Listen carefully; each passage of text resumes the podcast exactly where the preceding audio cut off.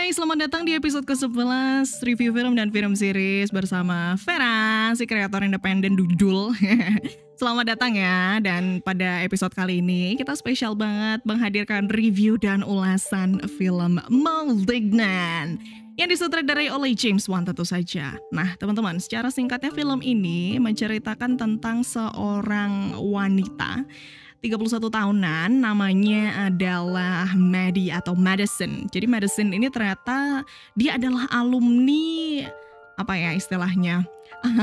alumni orang yang diteliti oleh dokter-dokter di Simon Research Hospital pada tahun 92 dan 93 dan ternyata masa lalunya itu cukup kelam di mana berhubungan dengan hal yang menjadi masalahnya setelah menjadi korban KDRT oleh suaminya gitu ya tiba-tiba suaminya melakukan kekerasan kepada dia dan tiba-tiba juga suaminya meninggal dunia. Kita nggak pernah tahu ya siapa yang membunuh suaminya tapi lanjut aja gitu ya.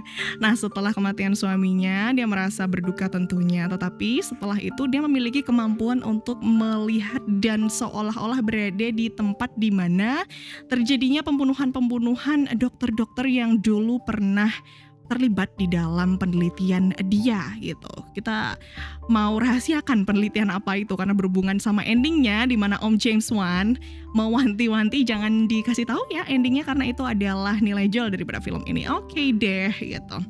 Nah kemudian ketika si Madi ini penasaran sebenarnya kenapa sih aku mengalami hal-hal seperti ini akhirnya dia berkolaborasi dengan polisi dengan adiknya dan dengan keluarganya yang lain untuk mencari tahu dan ternyata dam dam dam dam ini film tidak sepenuhnya film horor. Jadi James Wan telah menghadirkan satu nuansa baru di dalam kancah perfilman miliknya ya hasil karya tangannya sendiri. Karena kita yang biasanya nonton Insidious akan mungkin merasa kecewa ya karena ekspektasinya mungkin oh ini berhubungan dengan setan-setan atau iblis-iblis baru gitu. Ternyata enggak gitu. Jadi mungkin teman-teman harus menurunkan ekspektasi terlebih dahulu dan mempersiapkan alur yang disediakan yang sudah dibuat dengan apik ini begitu ya. Jadi kalau misalnya teman-teman mikir akan ada pengusiran setan di situ tidak ada teman-teman. Bahkan kita akan menemukan elemen dan cita rasa baru dalam menonton film dan akhirnya di akhir kita akan merasakan suatu sensasi di mana empati empati itu akan muncul terhadap orang-orang yang mengalami permasalahan serupa begitu. Apakah permasalahannya psikologis? Apakah permasalahannya itu itu berkaitan sama kesehatan, kita nggak pernah tahu ya. Itu adalah kode teman-teman. Jadi semoga teman-teman bisa menonton film ini dengan tanpa ekspektasi tentu saja dan ya udah pokoknya nonton aja menikmati aja gitu. Oke kita lanjut ke bagian yang menurutku harus teman-teman apresiasi ya dari film ini. Yang pertama yang paling indah dari film ini adalah penulisannya.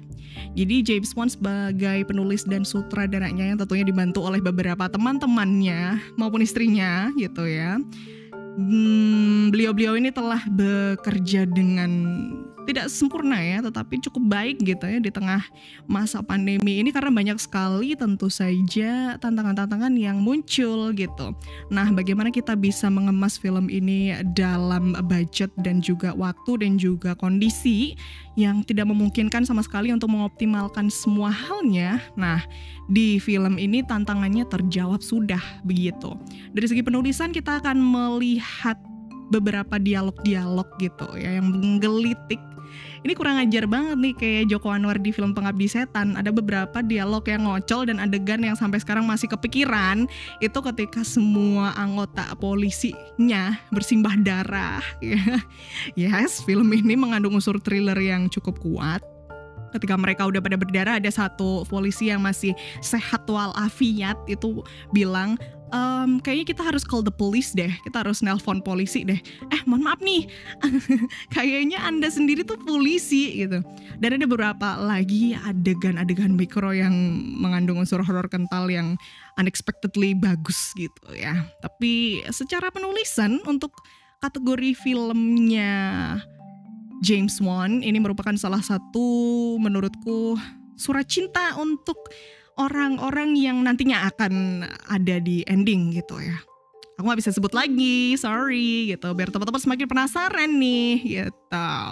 Dan secara alur plot twist yang disajikan tuh nggak plot twist yang macem-macem yang terlalu dongeng gitu ya. Ternyata plot twistnya itu sesimpel, oh ternyata dia itu begini.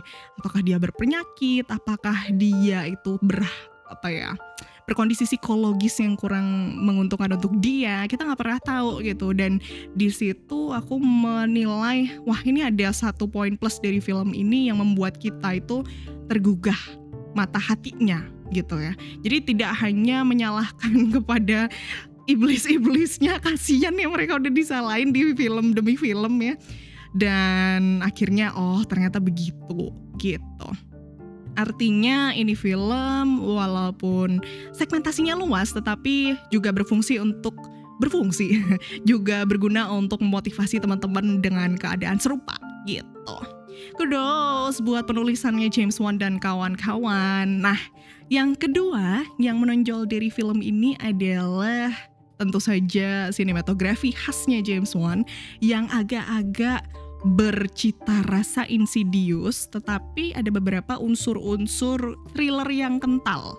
Nah, sinematografi dari beberapa adegan-adegan sadis tentunya membutuhkan pencahayaan yang khusus ya, karena kalau misalnya keterangan mereka akan kelihatan palsu banget. Kalau kegelapan kita nggak bisa lihat, woi.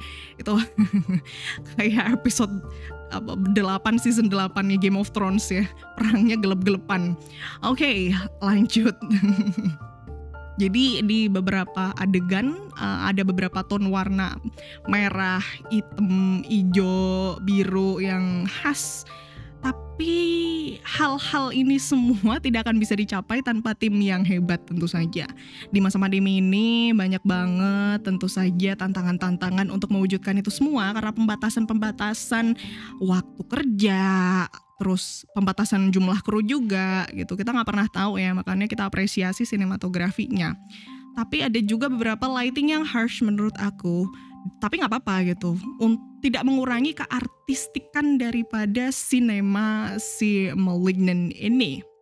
Ya selanjutnya yang menjadi tonjolan di film ini selain penulisan kemudian sinematografi tentu saja penyutradaraannya penyutradaraan yang baik ini dilandasi dengan kerjasama yang baik tentu saja. Kita nggak pernah tahu berapa bulan mereka bonding, tapi ini bisa sangat berbahaya teman-teman. Kalau misalnya too much, mereka bisa sangat mendominasi.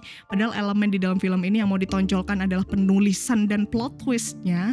Nah, James Wan sebagai penulis dan sutradara tahu, tahu betul apa yang harus dia lakukan dan aktor-aktornya lakukan tetapi ini juga berfungsi menjadi dua mata pisau gitu ya. Karena ini bisa menjadi kekurangan film ini juga. Karena terus aktornya nggak ada yang nonjol teman-teman gitu.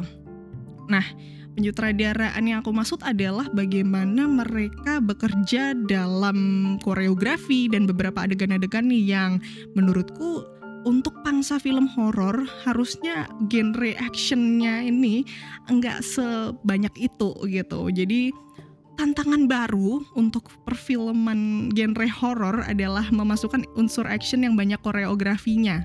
Nah, nggak mudah tuh cari stuntman dan aktor yang mau berbuat seperti itu gitu ya. Tapi ya maulah bayarannya gede.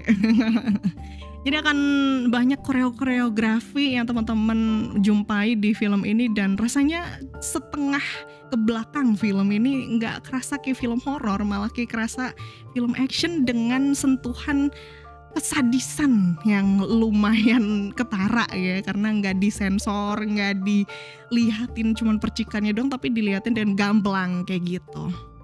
Oke okay lanjut pada kekurangan film ini teman-teman kekurangan film ini yang sudah aku mention tadi di awal adalah dari segi keaktorannya memang bondingnya kurang terasa gitu ya dari segi karakter developmentnya ya memang kurang karena ini berfokus pada keadaan si Maddie atau si Madison aja gitu. Yang lainnya ya boardingnya gitu-gitu aja. Mungkin kalau misalnya akan ada sequel, kita akan merasakan dan bertumbuh bersama tokoh-tokoh ini. Karena apa? Karena ada tokoh polisi laki-laki yang suka sama adiknya Maddie dan gak dijelasin lagi abis itu kenapa sih mereka kayak gitu. Jadi mungkin kalau misalnya ya kita doakan saja film ini sukses akan ada sequelnya dan genrenya juga akan bergeser gitu ya jadi horror yang agak thriller yang agak action ya nggak apa-apa nggak apa-apa it's okay gitu. Satu taste baru untuk penonton film horor. Dan tentu saja kekurangan berikutnya adalah CGI-nya. Kita bisa lihat di trailer ya di trailer sorry. Di trailernya CGI-nya kurang bagus ya ya emang kayak gitu. Karena memang deadline-nya mereka dan sumber daya yang tersedia mungkin kurang I know.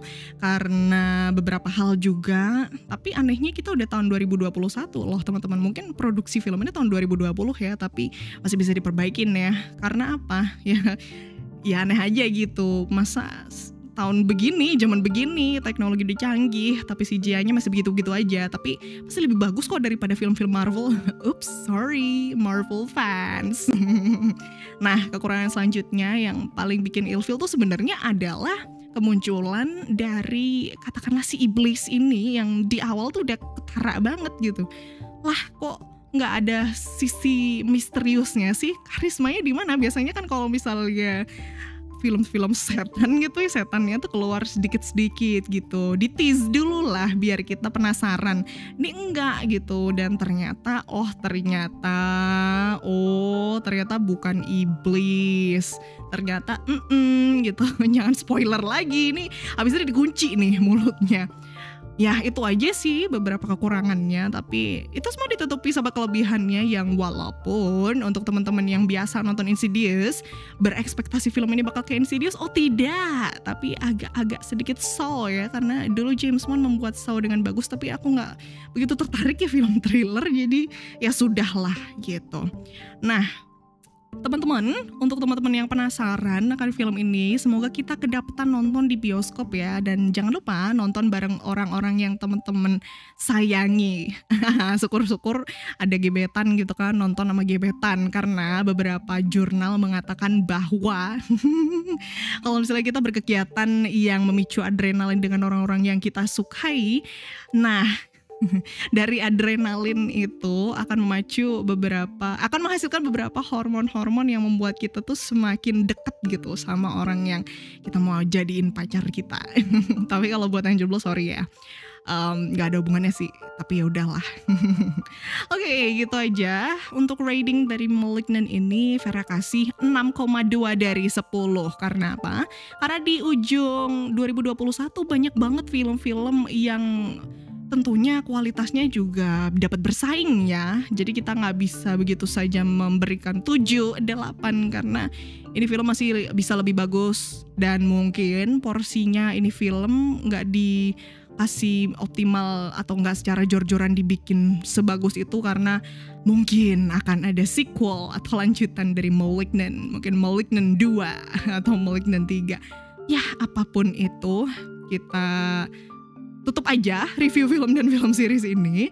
Dan selamat menonton. Kalau misalnya teman-teman mau berdiskusi sama Vera boleh langsung aja di add Instagramnya Vela. Vela. Instagramnya Vera. Di follow aja di @leona Vera dan kita ngobrol-ngobrol di situ. Kalau misalnya ada rekomendasi film-film lagi yang belum ada di review film ini boleh. Serialnya nanti ditambah rekomendasi temen-temen ya. Tapi jangan sakit hati kalau misalnya seri atau film favoritnya dinilai kurang bagus karena Vera berusaha untuk seobjektif mungkin menilai tanpa harus yang berbohong agar teman-teman tidak me menghabiskan beberapa jam hidup teman-teman hanya menonton film sampah gitu ya terima kasih telah mendengarkan selamat beraktivitas sampai jumpa di episode film series selanjutnya. Ciao. Bella ciao.